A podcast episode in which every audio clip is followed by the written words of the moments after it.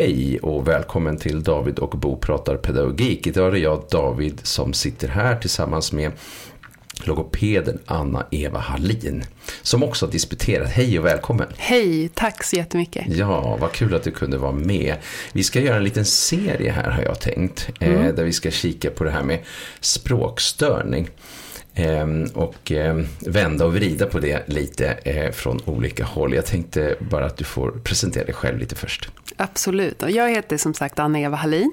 Jag är logoped och eh, just nu biträdande lektor vid Karolinska institutet där jag undervisar på logopedprogrammet och forskar inom området språkstörning och också lite bredare läs och skrivsvårigheter och språkutveckling. Eh, sen har jag också, driver jag också sidan språkforskning eh, där jag försöker sprida kunskap om just språkstörning och med visst fokus på språkstörning i skolåldern eftersom det är ett område där, där kunskapen har börjat öka men när jag startade den här sidan och bloggen för börjar bli ett tag sedan, 2015, så för ja. åtta år sedan, mm. så, så upplevde jag att, att det att kunskapen var ganska låg. Mm. Och att eh, framförallt eh, i, i skolans värld att den behövde liksom öka så att andra funktionsnedsättningar som till exempel ADHD eller dyslexi var mer välkända. Absolut, och det där känner man ju verkligen igen. Det var ju liksom som att eh, språkstörning är någonting som, som tillhör förskolan och sen är det nästan som att det försvinner. Nej men och det var, eh, ska jag säga till och med min, eh, alltså jag eh, tog logopedexamen 2007 och jag skulle mm. säga att även inom logopedvärlden eller som jag, liksom i, i logopedutbildningen så pratar vi om språkstörning för de yngre barnen mm. och sen så pratade vi mest om dyslexi för de äldre. Ja. Och inte riktigt hur språkstörning kan se ut eller, eller liksom märkas på äldre äldre elever och vuxna. Och det var ju en av anledningarna. Jag, jag eh, åkte till USA och doktorerade och doktorerade på New York University. Och en av anledningarna till att jag ville åka just till USA är att man har pratat om språkstörning i skolåldern väldigt mycket längre. Mm.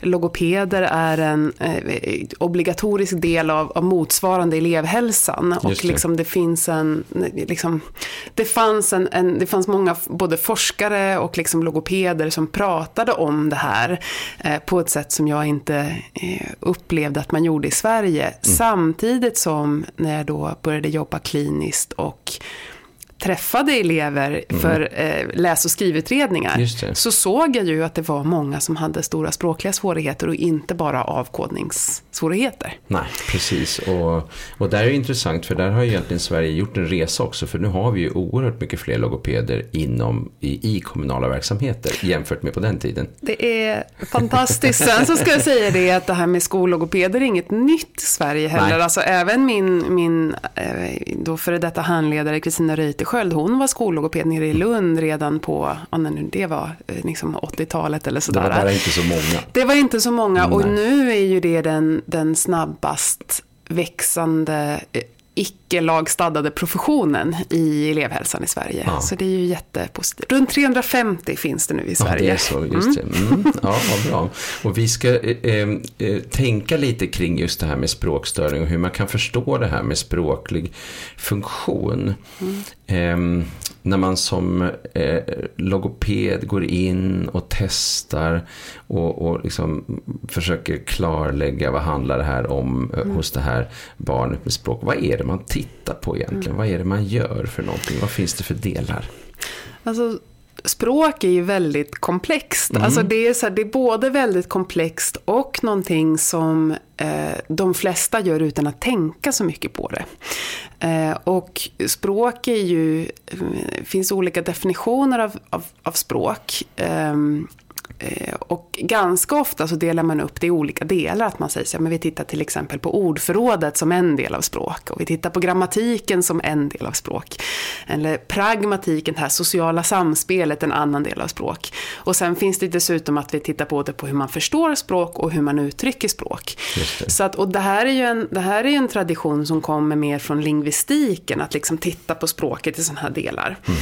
Så det gör logopeder. Men när vi språkar eller mm. använder språket i sociala kontexter så är det ju liksom någonting vi gör samtidigt. Det är liksom inte så att, att grammatiken är liksom en särskild separat del och sen så är ordförrådet en annan separat del. Utan det här sker ju liksom ihop. Så att, så att logopeder tittar på, också på kommunikation. Mm. Och hur funkar, liksom, hur kan man använda de här språkliga kunskaperna i, när man eh, leker till exempel om det handlar om ett yngre barn. Mm. Eller samtalar, eller förklarar något, eller berättar något.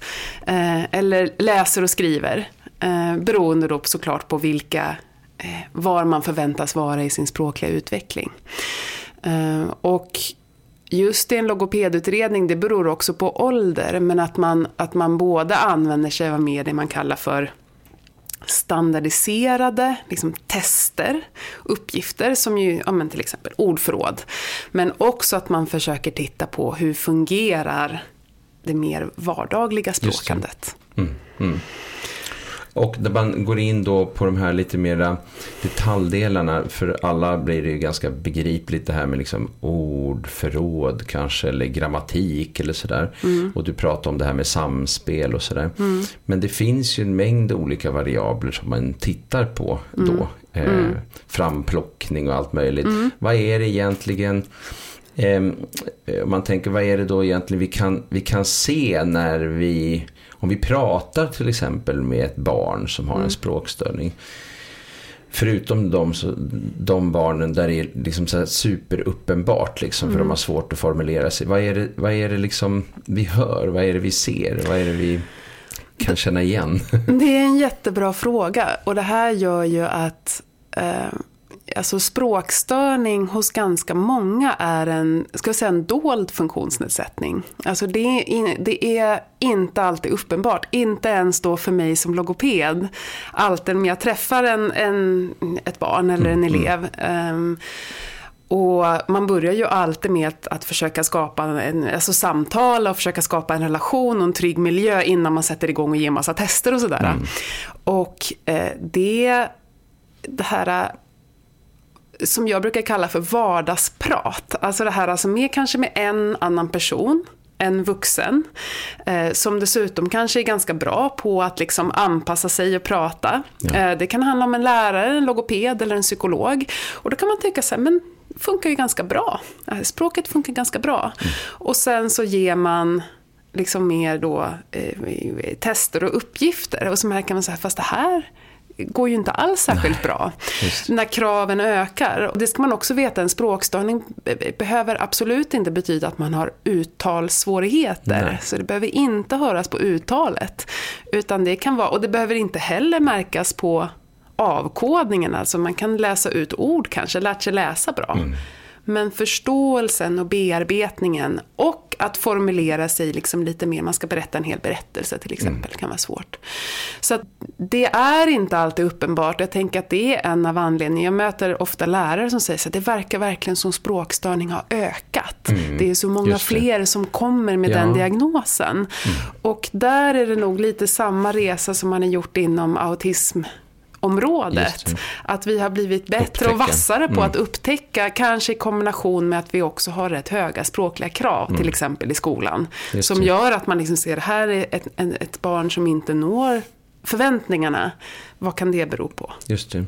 Och vi pratar ju ändå om ganska höga siffror när vi tittar på språkstörning. Mm. Vad, vad ligger de på ungefär? Sådär? Um, Alltså det är egentligen det är tre såna här epidemiologiska studier man brukar referera till. Befolkningsstudier. Befolkningsstudier där man mm. liksom inte bara har tittat hur många får en remiss till logoped och kommer Nej. till logoped. Utan man testar alla, mm. eller väldigt många i alla fall, i en, ett samhälle, eller en åldersgrupp. Det finns en från USA från 97, en från England från 2016 och en från Australien från 2022. Mm. Um, lite olika metoder, lite olika åldrar, men mellan 6 och 8 procent. Mm. Um, beroende på hur man räknar, alltså den från England säger så här, till och med upp till 10 procent. Men jag mm. skulle nog ändå säga 68 procent och mm. det är många. Det är många. Mm. Det man ska veta då också är ju att ganska många av de barnen har ju och barn, barnen, ungdomarna och vuxna har ju också andra samförekommande svårigheter som till mm. exempel ADHD eller dyslexi. Mm. Just det, att det är vanligt med den kombinationen. eller med kombinationer överhuvudtaget. Ehm, eh, och det, det landar ju på att det blir kanske en eller två i varje klass om man ska se brett. Men mm. sen så eh, är ju inte klasserna lika så att det kan ju betyda att det är bra många fler i vissa klasser och, och kanske inte någon i någon annan. Eh, så det är ju ganska mycket. Om vi, om vi, skulle gå tillbaka liksom och titta på språkutveckling från början. Mm. Ibland pratar man om sådana här mått. Liksom, mm. Ett ordsats vid ett år, två mm. ordsats. Alltså sådana typer. Mm. Eh, hur, hur, utvecklas språk för de små barnen? Ehm, eh, vad är det för viktiga komponenter för att språk ska utvecklas?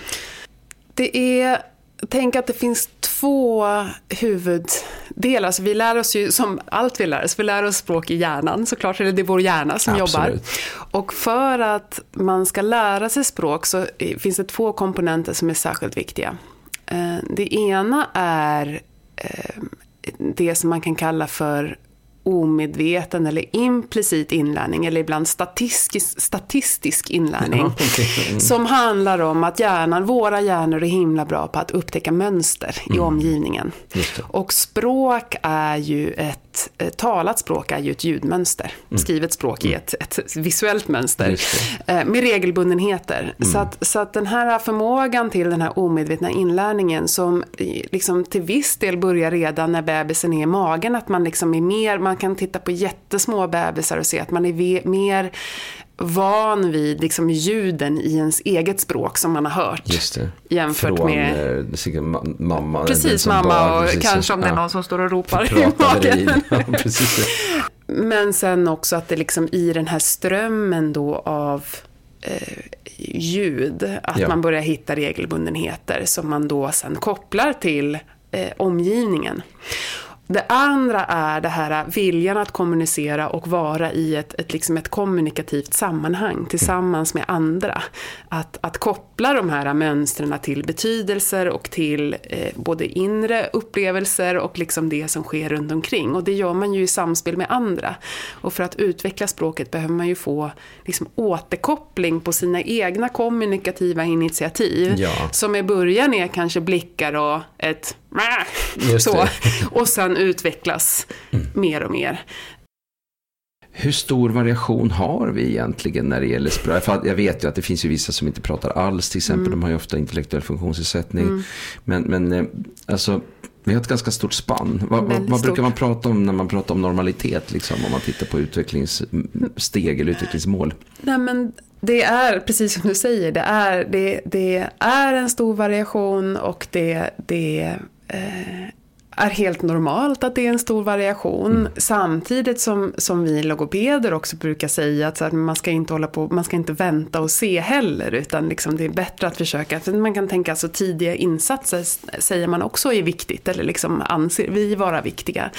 Men, men det här, precis det som du nämnde tidigare här med att, att de första orden under liksom runt ett år och att runt två år att man börjar sätta samman två ord. Och för att det ska hända måste man ju också ha byggt upp en viss storlek på sitt ordförråd innan man liksom har, det verkar behövas en viss kritisk massa med ord mm. för att man ska börja kunna koppla ihop dem och sätta liksom små tvåords yttranden ja, eller satser eller så. Mm, Samtidigt så finns det de barn som inte, eh, liksom, inte eh, alls sätter ihop två ord vid två mm, mm. år men sen liksom gör en spurt. Mm. Det är de som i litteraturen kan kallas för late bloomers. Mm. Som faktiskt liksom är senare än förväntat men sen kommer ikapp. Som alltså inte då har en, en språkstörning som ju är, betyder att man har svårigheter genom livet.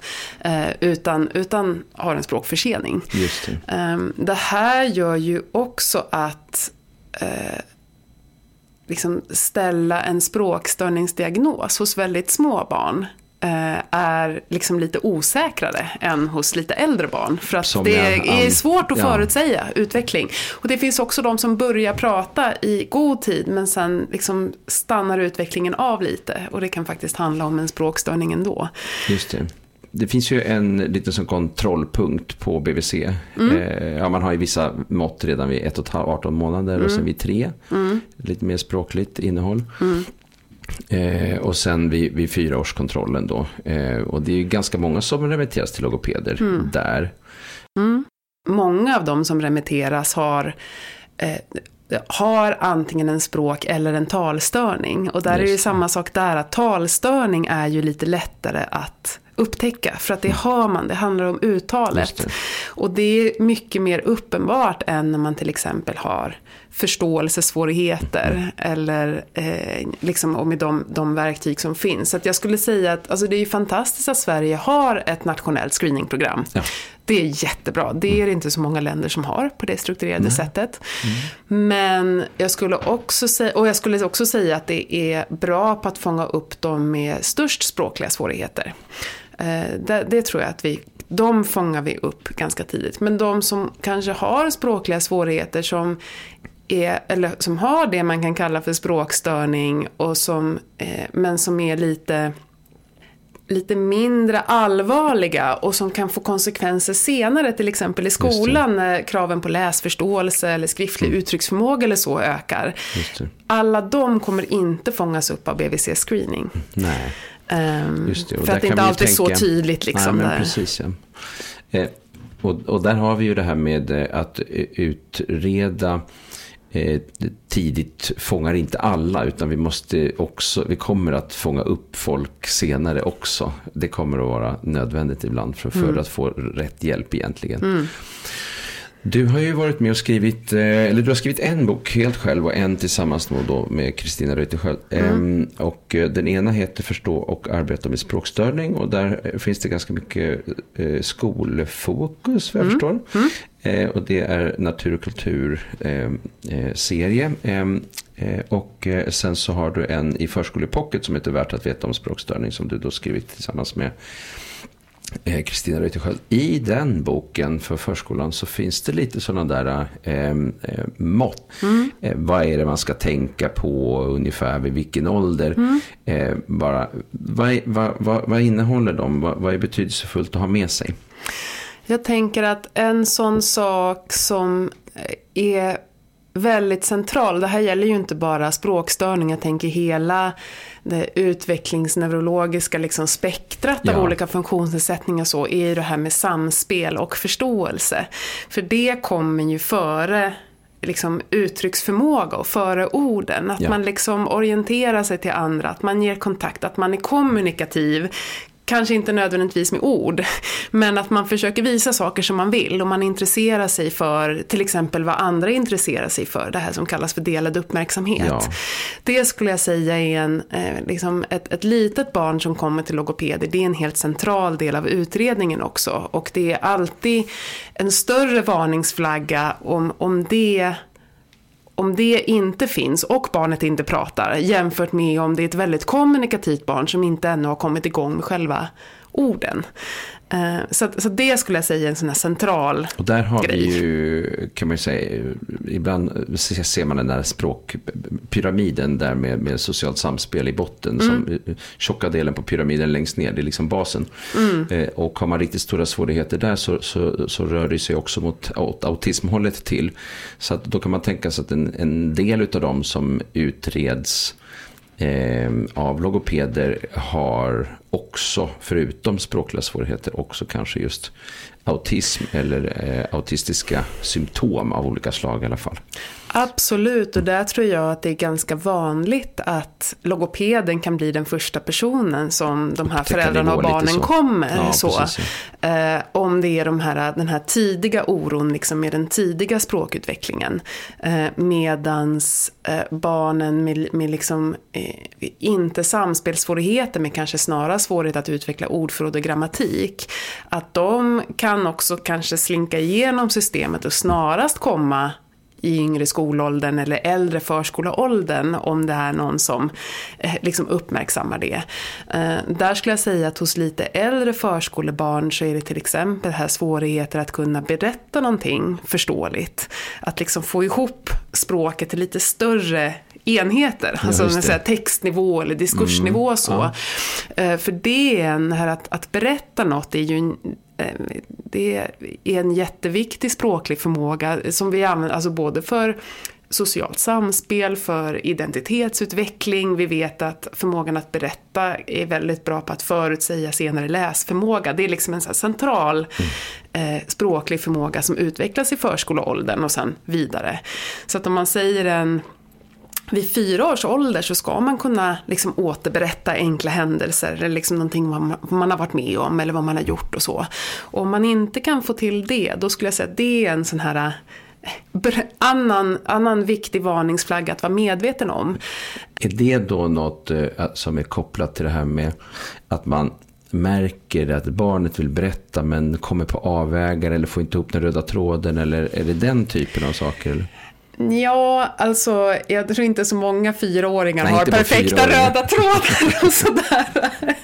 Det kan nog vara lite all over the place liksom. Eh, men, men kanske mer det här, alltså det här när man alltid, aldrig kommer liksom man lyckas sätta ihop flera meningar i rad till någonting Mera som är liksom lite, lite, en lite helhet. Så. Sen så ska det här fortsätta utvecklas och det är klart att för lite äldre elever eh, eller lite äldre barn, liksom där i början av skolåren, så där, då ska man ju kunna få ihop en mm en, en liten berättelse, återberätta någonting eller sådär. Mm. Men, men det är en förmåga som fortsätter att utvecklas. Mm. Men sen är det ju, eh, som jag sa, om det för de riktigt små barnen är, är Eh, liksom, samspel och förståelse som, man, som är viktigt så är ju också det här med för de lite äldre yngre barnen, som vi fortfarande pratar förskoleålder, här nedsatt språkförståelse generellt, att man liksom inte förstår instruktioner och man inte förstår liksom vem som gör vad i, i, i meningar om man ger mer en, en, en uppgifter eller ett test så, att det är ett eh, varningstecken. För i, i typisk språkutveckling så, så kommer ju också förståelse före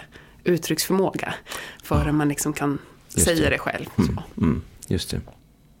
Sen är det ju också, alltså det är ju eh, vanligt hos, hos små barn, alltså det är inte alla barn som när de börjar prata såklart pratar med perfekt uttal. Så det är ju jättevanligt med olika uttalssvårigheter mm. hos små barn. Eh, men sen så är Eh, är liksom barnet helt liksom oförståeligt även för familjen vid två år. Eller jättesvårförståeligt för utomstående vid tre år. Mm. Då är det också ett, liksom ett varningstecken som dels kan vara att man har en, en talstörning. Just alltså det. just svårigheter med uttal av någon anledning. Ja. Men uttalssvårigheter kan också vara tecken på att man också har språkliga svårigheter. Men att det mm. syns i uttalet. Så här finns det ju också en, en liksom, kan det vara motiverat med en logopedkontakt. Och att man då inte inte heller ska vara förvånad att man kanske tittar och frågar om hela språket. Och inte bara, eh, och inte bara fokusera Nej, på talet. Så. Det. Att det um, finns kopplingar däremellan. Det finns enkelt. absolut mm. kopplingar, mm. framförallt, hos, framförallt hos yngre barn. Som jag sa, mm. när det gäller eh, äldre barn, ungdomar och vuxna så är det inte eh, är det mer sällan som man hör på talet att det kan finnas språkliga svårigheter. Just det, just det. Mm. Vi har ju i eh, förskolan många med ett annat modersmål också. Eh, när man utreder barn med ett annat modersmål, hur, hur vet man vad som är vad så att säga? hur kan man utreda detta och vid vilken ålder kan man egentligen kan, kanske ställa sådana här diagnoser? Men jag tänker att det är lite två frågor i en. Så vi tar det här med flerspråkighet och språkstörning först. Eh, det första jag vill säga är liksom att, att på något sätt en gång för alla kanske inte den här podden, men, Nej, en, gång, ändå, liksom, en gång för alla eh, ta död på myten att, liksom, att, att växa upp med flera språk, att det skulle orsaka en språkförsening eller orsaka, vara en riskfaktor för språkstörning eller så. Så är det inte. Nej. Utan, utan eh, vi, vi råkar ju leva i ett land som har, länge haft en väldigt enspråkig norm. Ja. Men om man tittar globalt sett så är liksom flerspråkighet det normala och enspråkighet är undantaget. Och våra hjärnor har absolut kapaciteten att hantera flera språk. Mm.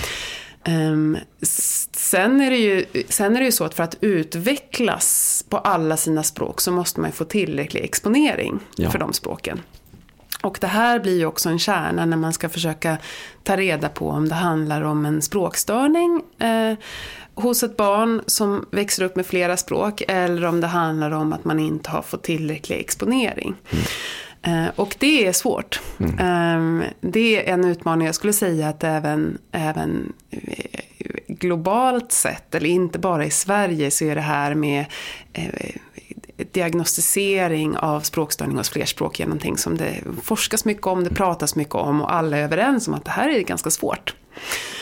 Um, man kan inte ha språkstörning på bara ett språk. Nej, utan utan det är ju själva, om vi går tillbaka till det här vi pratade om, hur, hur små barn lär sig språk. Så är en, en teori som har ett mycket forskningsstöd handlar just om att det är nedsättning i den här omedvetna, implicita inlärningsförmågan. Mm. Det vill säga man fångar inte upp de här mönstren lika snabbt och effektivt som en person med typisk språkutveckling. Och det påverkar hela eh, utvecklingen av alla de språk man blir exponerad för. Um, och när man gör en eh, så när man gör en, en utredning på ett flerspråkigt barn eller en flerspråkig person som logoped så blir det ju väldigt viktigt att i alla fall kartlägga på alla språk. Det är inte alltid ja. det går att testa på alla Nej. språk, mm. eller det är ganska sällan det går att testa på alla språk. Eh, ganska ofta får man ju ta hjälp av tolk eftersom det, eh, vi har en ökande grupp med flerspråkiga logopeder i Sverige, vilket är fantastiskt, det behövs verkligen. Men det ska ju också vara precis rätt språk. Jaha, annars, Som, blir det fel. annars blir det ju fel. Eh, för att man verkligen ska kunna utnyttja det. Mm. Eh, och där, eh, men till exempel i Stockholm så finns det en lista med flerspråkiga logopeder och man försöker remittera till liksom rätt om, om man kan. Mm. För att självklart är det det bästa. Eh, men det handlar ju mycket om samarbete där med, alltså mycket samtal med, med föräldrar, med syskon, med lärare, förskollärare, modersmålslärare och en kartläggning. Försöka kartlägga hur mycket exponering har man fått för de olika språken och sen göra liksom mer en, en jämförelse och en kartläggning av barnets samtliga språk. Eh, så det är klurigt. Ehm, det vi vet från forskning är att det finns både en underdiagnostisering mm. hos flerspråkiga personer, det vill säga att man skyller språkliga svårigheter på flerspråkigheten. Han håller ju fortfarande på att lära sig svenska. Eller han har ju inte svenska som modersmål. Det kanske är någon som är född i Sverige mm, och liksom egentligen visst borde ha lärt sig svenska. Mm, mm. Och en viss överdiagnostisering, det vill säga man, man lyckas inte riktigt kartlägga, eh, eller liksom, man tycker att menar, miljöfaktorerna mm. och liksom vad det är och sen så ställer man en språkstörningsdiagnos fast det egentligen handlar om bristande exponering. Så forskningen visar att det, att det är åt båda hållen och Just det blir ju, gör ju också det ganska komplext. Det är komplext, ja. Mm. Ehm, ehm, för vi kommer ju lite in på om man tittar behandlingsmässigt eh, om man tänker på förskolebarn. Mm. Ehm, vi ska ju prata i ett senare avsnitt mer om pedagogiska insatser i förskola respektive skola och mm. högre upp i åldrarna. Men om man tittar rent, eh, liksom, vad, vad kan logopeder göra med barn som har språkstörning? och vad behöver man så att säga göra på hemmaplan mm. eller i andra sammanhang? Eh, mm. Exponering är ju en viktig fråga. Men... Ja, eh, om vi pratar om de yngre barnen så är det eh, handlar det ganska mycket om att handleda och modellera för föräldrar hur de kan, och förskolepersonal, men hur man kan jobba och stärka och eh, öka exponeringen eller öka kvaliteten på exponeringen i språket. För det viktigaste är helt enkelt det som sker i vardagen ja. i hela tiden eftersom det är en mängdfråga också. Verkligen, och det som är, jag menar nu, det här är en helt annan diskussion, men mm. tillgången till logoped i Sverige just nu är ju på många ställen väldigt låg. Det är väldigt ja. långa väntetider och det erbjuds väldigt lite behandling. Eller mm. kanske bara till de som har absolut störst svårigheter. Och inte till alla som kanske skulle behöva det. Med det sagt så kommer ju inte en halvtimmes logopedträff i veckan att göra särskilt stor skillnad i sig. Liksom, det, ingen, det ing, finns ingen liksom quick fix här och språket sker i samspelet i vardagen. Mm. Så därför blir det här att, att ge råd till föräldrar och visa föräldrar hur de kan göra, hur, eh, inte bara att man ska läsa böcker till exempel med sitt barn, utan hur man kan göra det. Eh, hur man kan eh, vara responsiv, pratar logopeder ganska mycket om, alltså det här med responsiv kommunikation, alltså svara på barnets kommunikativa initiativ mm. och liksom eh, bekräfta och bygga ut och, och, sätta ord på det som barnet gör men kanske inte sätter ord på själv. Um, och ehm, det som också ofta rekommenderas för, för yngre barn med eh, som är antingen sena i språket eller har en konstaterad språkstörning är att man använder tecken som alternativ eller kompletterande kommunikation. Det vill säga att prata och använda stödtecken samtidigt. Tack. Tack, precis. Eh, som vi vet är ehm, eh, kan hjälpa den talade språkutvecklingen. Vi får, vi får ytterligare en modalitet och förstärker det talade ordet. Så att det är inte så att man, man tecknar och pratar samtidigt. Ja. Och all den forskning som finns visar att det här hjälper liksom språkutvecklingen generellt. Och det är inte så att det liksom försenar om vi lägger till tecken. Tvärtom, utan snarare tvärtom. Fortare. fortare. Mm, ja. Precis. Just det. Eh, och eh, då är det, eh, gäller det både så att säga, det expressiva och det impressiva, både, både då, uttryck och förståelse? Det är ju så att säga, förståelsen, så jag sa ju tidigare att förståelse är ett viktigt tecken, eller det är någonting mm. som vi kollar på. Men man tänker jobba med förståelse, alltså det sker ju inuti. Alltså vi kan mm. ju aldrig se in i en annan persons hjärna. In i huvudet Nej. på det sättet. Nej. Utan förståelsen sker ju där. Och, mm. och sen är det ju också i vardagen så är det ju väldigt mycket, kan vara svårt att avgöra hur väl ett barn förstår. För att det finns så många, förstår språk. Mm. För det finns så många andra ledtrådar i omgivningen. Om man säger så här, kom in nu, det är mat. Eh, och så är det vid ungefär samma tid, man kanske har samma tonfall, det luktar mat i huset. Ja men då kommer barnet. Fast den kanske inte alls har förstått meningen eller begreppen i, utan det är det som vi kan kalla för situationsförståelse. Um, och i råd till föräldrar och liksom det här med responsiv kommunikation, då är det ju väldigt mycket att, att, liksom, att det känns kanske som man jobbar bara med det expressiva. Men det är ju inte så att det expressiva, alltså uttrycksförmågan och förståelsen sitter på två helt olika platser i hjärnan. Det är ju samma språkliga system. Så ofta blir det att man bekräftar och jobbar med uttrycket. Men samtidigt blir det också att man jobbar med förståelse, såklart. Just det. Just det. Nu har vi pratat lite om, om den tidiga språkutvecklingen och, eh, och språkstörning också hos lite yngre barn. Jag tänkte att vi kunde gå upp lite i åldrarna. Mm. Mm. Um, och det är ju lite mitt, jag ska säga, mitt, ett stort intresseområde för mig eftersom det var så det började egentligen. Ja, det. Mm. Uh, jag, eh, mitt första logopedjobb var att göra läs och skrivutredningar. Och det jag upptäckte då var ju att uh, många av de elever, eller ganska många av de elever jag träffade inte bara hade svårt med den tekniska delen av läsningen, alltså eh, liksom avkodning och mm, stavning. Mm, utan hade också språkliga svårigheter. Mm. Och det var det som fick mig att börja fundera mer på det här med språkstörning. Och vad är det och hur ser det ut i skolåldern och så. Um, och språkstörning är en eh, det är en, en, livslång funktionsnedsättning så att säga. En, den, men den förändras över tid. Mm. Så det som kanske då är ändå mer uppenbart hos alla fall vissa av de yngre barnen med språkstörning, är oftast mer dolt när man kommer upp i åldrarna. Det finns också en, en ett begrepp som eh, kallas för eh, illusory recovery på engelska. Det är ganska svåröversatt men no. ungefär skenbar förbättring. Mm. Eller att liksom, man kan ha ett barn som har språkliga svårigheter och sen så runt kanske gått, fått behandling hos logoped, mm. man har tränat på olika sätt. Och sen så runt i femårsåldern eller sådär så tycker man så här, men nu är det ändå helt okej. Okay. Det är ganska mm. bra. Det kanske inte var språkstörning. Eh, mm. utan, utan barnet är kapp. Och sen så börjar man skolan och sen så kommer, ska man börja lära sig läsa. Mm. Eh, och så går det jättetufft. Mm. mm till exempel. Eller så kanske det här barnet faktiskt knäcker läskoden men så kommer man till trean, fyran och förväntar sig börja läsa för att förstå och språket blir mer skolspråksmässigt och då kommer liksom svårigheterna tillbaka. Mm.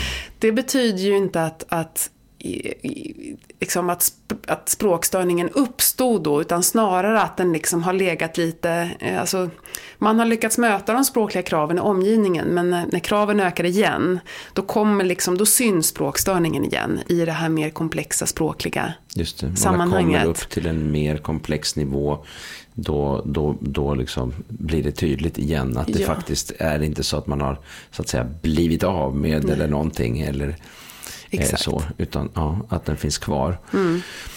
Um, och um, när vi sen går ännu högre upp i åldrarna, eller vi tänker oss, nu var vi kanske inne här låg och mellan liksom. Mm. men även när vi kommer liksom högstadiet och, och gymnasiet. Du pratar om livslång. Eh, kraven ökar ju i skolan för varje år som mm. går. Och det tycker jag när man pratar med många vuxna med språkstörning. För det är klart, mm. det är en livslång funktionsnedsättning. Det betyder att 68% av alla vuxna har en språkstörning. Mm. Det tänker man ju kanske inte så mycket på eller är inte så synligt. Även om det faktiskt också är någonting som äh, och det också pratas mer och mer om nu. Jag Just tänker att, att jag skulle säga för, för 15 år sedan så pratar man inte om vuxna med språkstörning alls. Medans, medans nu så till exempel så ganska nyligen har ju förbundet Unga med språkstörning startat. Eh, för personer tror jag mellan 15 och 30. Mm. Eh, så att det är liksom unga vuxna men ändå liksom eh, personer som, som, som har en språkstörning, som är vuxna, som är ute i arbetslivet eller läser på universitetet och liksom vad det kan få för konsekvenser. Vilket jag tycker är jättepositivt för den här gruppen behöver synliggöras. Eh, många av de här personerna som har gått igenom hela grundskolan och gymnasiet och sen kommit ut liksom på andra sidan eller ja. ut i vuxenlivet beskriver ja. också att skolan var det absolut jobbigaste. Mm. Alltså att det är en sån, det är en miljö där man hela tiden, alltså språket är vårt viktigaste verktyg för mm. lärande. Det är hela tiden läsning och skrivning som ju är, det är en språklig modalitet. Det är ju mm. väldigt språkligt krävande även om man kanske har det tekniska där, man kanske kan avkoda och stava, men själva formulera sig förstå vad som står, läsa mellan raderna, liksom, lära sig med hjälp av språket, det är kämpigt. Eh, och att man, när man liksom kommer ut i ett arbetsliv och kanske hittar ett, ett jobb som man trivs med, att det är där funkar det avsevärt bättre. Att man liksom, också att man såklart, som med alla personer, man hittar ju sina strategier. Och man utvecklar sina strategier och hur man gör. Och tänk, är det då det här att när jag, kommer, när jag har min miljö så att säga, då, då blir det lättare att handskas med den för att man blir van vid den och man kan de ordbegrepp som gäller i min, i min miljö, vare sig man jobbar med taxi eller inom vården eller inom vad det handlar om för någonting. Så så, så är det hjälpsamt att det är en lite mindre begränsad miljö. Men är man utanför den miljön i helt andra sammanhang då kanske det syns mer. Kan man tänka så? lite? Så kan man nog tänka. Men också att det är även i, även i mer Ja, precis som du säger, men även i liksom mer kvalificerade eh, yrken så är det ju ganska mycket av det vardagliga är på vardagsspråksnivån ja, som kan funka det. ganska bra. Det är ju mm. liksom eh, inte det här abstrakta eh, liksom, eh, inlärningsspråket till vardags i sitt jobb. Sen kan ju det komma ibland och här tänker jag att det finns ett stort arbete att göra med att öka medvetenhet hos arbetsgivare och hur man kan stötta vuxna med språkstörning i arbetslivet och så. För det är klart att det fortfarande kan behövas. Det här är en funktion funktionsnedsättning som får konsekvenser också i arbetslivet. Men, men liksom lite så här anekdotiskt och från de som vuxna som jag träffat med språkstörning så har ju liksom skolan verkligen varit extra kämpigt. Jag tänker också för att det är så mycket annat som händer under liksom barn och ungdomsåren i utveckling och att hitta sig själv och att göra, det är liksom så himla mycket på en gång och om man inte heller har det viktigaste verktyget för lärandet riktigt på plats och behöver kämpa mycket mer. Det blir ju, eh, riskerar att bli en jätteutmaning. Ändå riktigt stor utmaning, mm. verkligen. Du var inne tidigare på att prata om det här med eh, din ingång där med dyslexi mm. och såg det här med språkstörning. Eh, eh, hur många är det egentligen som, som har, av, av de som har dyslexi som också har språkstörning? Eller tvärtom? Dyslexi är lite, det är lite spännande för att det är, det är en ganska välkänd funktionsnedsättning. Men det finns faktiskt inga riktigt bra prevalensstudier, sådana här populationsstudier eller liksom, som, som kan svara på hur många det är. För det beror på hur man definierar dyslexi. Ja. Så, så liksom bara prevalensen på dyslexi kan liksom, alltså det vill säga hur vanligt det ja, är, kan variera mellan liksom 2% till 20% Oj. i forskningslitteraturen. Och det blir så meningslöst då mm. för att man hade definierat det på olika sätt. Det. När det gäller samförekomst mellan språkstörning och dyslexi så eh, om man tar någon sorts medelvärde av de studier som finns då, så ungefär hälften hälften, det vill säga ungefär hälften av de med språkstörning har också dyslexi. Mm.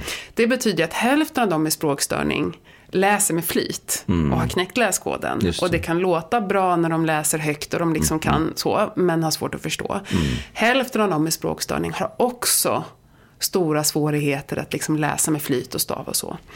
Um, och när det gäller personer med dyslexi så också upp till hälften av dem med dyslexi har språkstörning. Men jag tror att siffrorna här är någonstans alltså 20 till 50 procent. Så lite lägre. Uh, lite lägre mm. åt andra hållet, men, mm. men ändå en ganska stor mm. andel. Och sen är det det här, det ju, finns ju inget blodprov Nej. som säger du har språkstörning. Det, det, finns ju liksom, eh, man kan hamna på gränsen och så kan man argumentera för det ena eller andra. Eh, man kan ha större eller mindre svårigheter och jag skulle vilja betona att personer med språkstörning är en heterogen grupp. För språk är komplext och har många olika delar. Och man kan se liksom olika styrkor och utmaningar inom den här gruppen. Det verkar inte som att det liksom finns massa väldigt tydligt definierade undergrupper eller så, utan lite mer som ett spektrum. Eh, och att, det, att liksom två personer med språkstörning kanske ser ganska olika ut. Mm, mm. En annan eh, eh komorbiditet då, eller samsjuklighet eh, där vi ser eh, överlappning är ju då språkstörning och eh, neuropsykiatriska funktionsnedsättningar. Eh, här har det ju också gjorts en del studier. Hur, hur, hur mycket känner vi till om de här överlappningarna när det gäller just språkstörning? Här kanske det första jag vill säga är det här begreppet neuropsykiatriska funktionsnedsättningar. Ja. Som ju blir lite, alltså där språkstörning ibland äh, anses tillhöra precis. och ibland inte.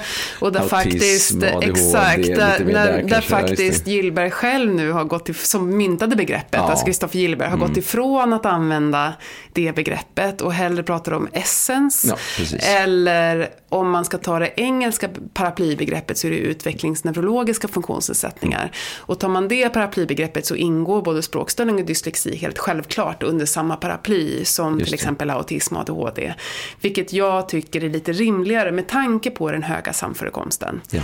Um, återigen språkstörning och ADHD. Um, där det, finns det också en, en bredd i siffrorna. Mm. Men igen, ungefär 50 procent, alltså ungefär mm, hälften. Mm. Och jag tror i alla fall i, i, i Sverige, i min kliniska känsla och mm. erfarenhet, att ganska många personer med språkstörning kanske har fått en ADHD-diagnos men inte fått en språkstörningsdiagnos. Det vill säga man, man skyller eller förklarar de svårigheter man ser på äh, ADHD-diagnosen.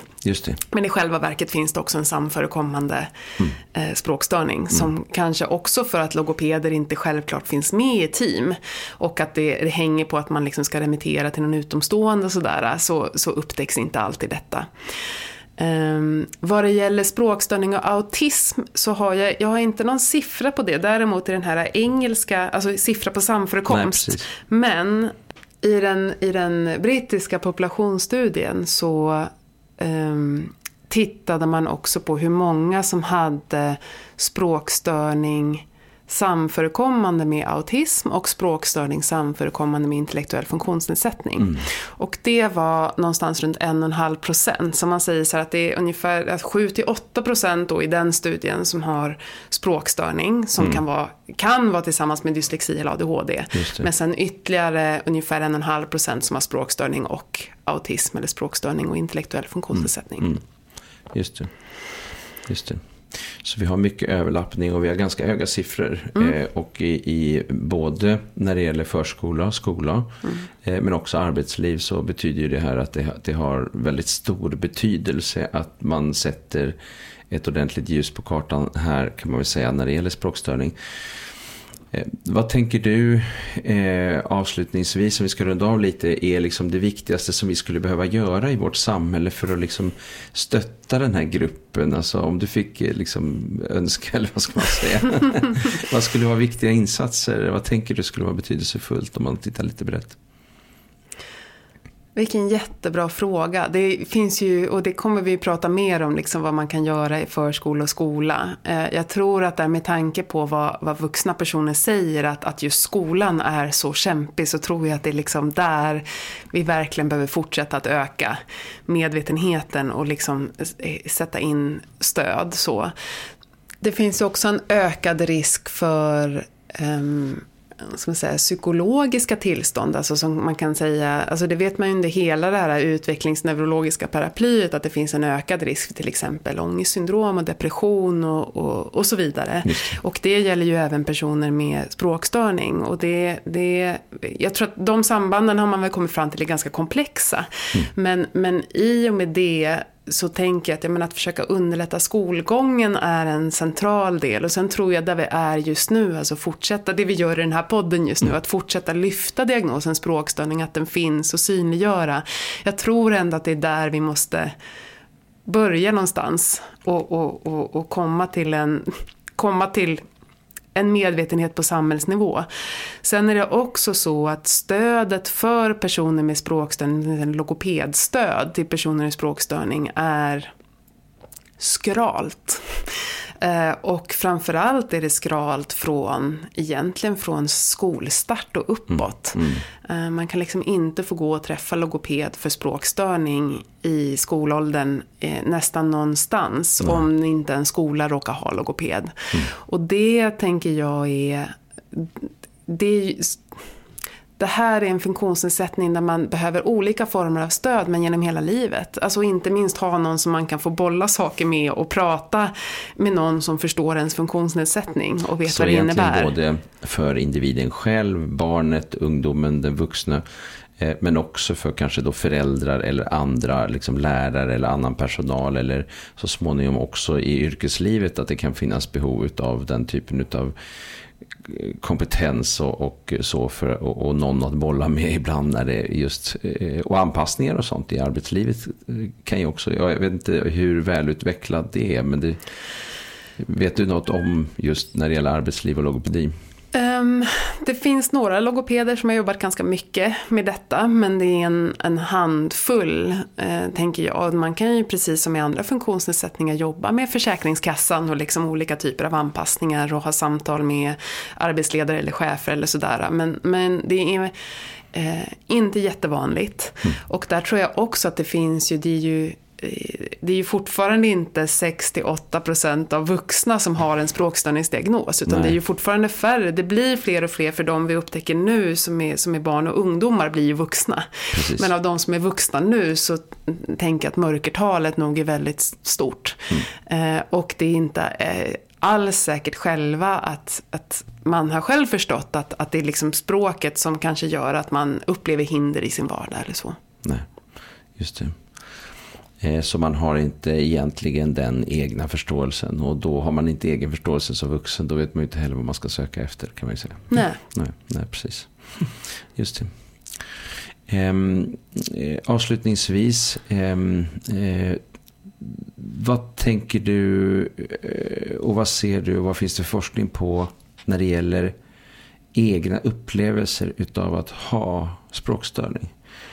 Finns det forskning på på, eh, på det fältet. Eh, det är också väldigt glädjande för det börjar komma mer och mer. Jag skulle säga att det här är mer, alltså forskning har varit väldigt inriktad på liksom standardiserade tester och olika, liksom så, men, men från ett utifrån perspektiv. Men det har börjat publiceras, bara de senaste par åren så har det kommit mer intervjustudier inifrån perspektiv, eh, både från barn och ungdomar och vuxna. Ehm, en superintressant studie som ju också kan vara en delförklaring till varför, varför språkstörning kan vara svår att upptäcka handlar om kamouflering vid språkstörning. Mm. Alltså strategier som personer med språkstörning tar till för att dölja sin funktionsnedsättning. Och där är det ju också allt från att liksom låtsas att man förstår, eh, haka på någon annan, eh, vara eh, liksom det som man kan kalla för prosociala beteenden, alltså så här nicka ja. och le och vara liksom väldigt så till lags. Mm. Um, så att, så att, och, och, det tänker jag att, alltså återigen, belyser det här att det inte, det kan vara svårt att upptäcka en språkstörning, framförallt hos en äldre person, för att språk är komplext och för att mm. vi ofta rör oss i det här vardagsspråks, eh, liksom när vi pratar en till en. Men också för att personen själv hittar medvetna eller omedvetna strategier att dölja språkstörningen. Mm. Mm. Och, eh, och där behöver vi eh, bli bättre totalt sett på att, eh, på att visa på, eh, på just hur eh, hur språkstörning ser ut och eh, för att kunna hjälpa. Och vi ska gå in här i två avsnitt till här nu och prata lite mer om vad man kan göra i förskola och skola. Men för den som är intresserad så har ju du en en eh, hemsida, en blogg, mm. där du skriver saker och ting. Eh, vad har du, eh, hur, hur, ser den ut? Kan du säga något om den? Um, den, jag startade den här sidan och bloggen när, det var precis innan, eller året innan jag doktorerade, så att sen 2015. Och det var en, en dröm, jag tog faktiskt en kurs i journalistik på New York University mm. som handlade just om att, alltså, um, writing for a wide audience. Mm. Uh, som handlar om att liksom, ja, men skriva för personer utanför sitt eget fält. Och jag har varit, liksom alltid varit intresserad av att undervisa och sprida kunskap och så. Men jag, jag uppfattade också också att eller jag upplevde också som logoped när jag, när jag tog examen att jag är ju jättenyfiken, vill jättegärna hålla mig uppdaterad på forskning. Men det är himla svårt att hitta tiden och orken att efter en dag med, eh, man har liksom gjort utredningar och skrivit, att sätta sig och läsa en vetenskaplig artikel. Att få tillgång till en mm. vetenskaplig artikel som kanske ligger bakom någon paywall eller sådär. Så att jag ville på ett lättfattligt sätt sammanfatta forskning för först tänkte jag att jag skulle vända mig mot logopeder. Liksom. Men sen så blev det ju i och med att jag skrev mycket om skolåldern så blev det mer och mer också mot lärare, psykologer, liksom alla som möter barn och ungdomar egentligen och vill veta mer om detta. Så att det, det och det, säga, forskningsbloggen är min första bebis. Ja. Jag har två barn till men det här är min första bebis. Ja, eh, och det, och det, det, jag ser det som en viktig del av mitt uppdrag. Jag tycker att det känns väldigt meningsfullt att göra det. Så kika gärna på den. Ja, eh, gör det gärna alla som lyssnar. Språkforskning.se, där finns det vansinnigt mycket spännande saker att ta del av. Stort tack för att eh, du var med här eh, idag och berättade så initierat om språkstörning med mera. Tack. Tusen tack. Tack så jättemycket.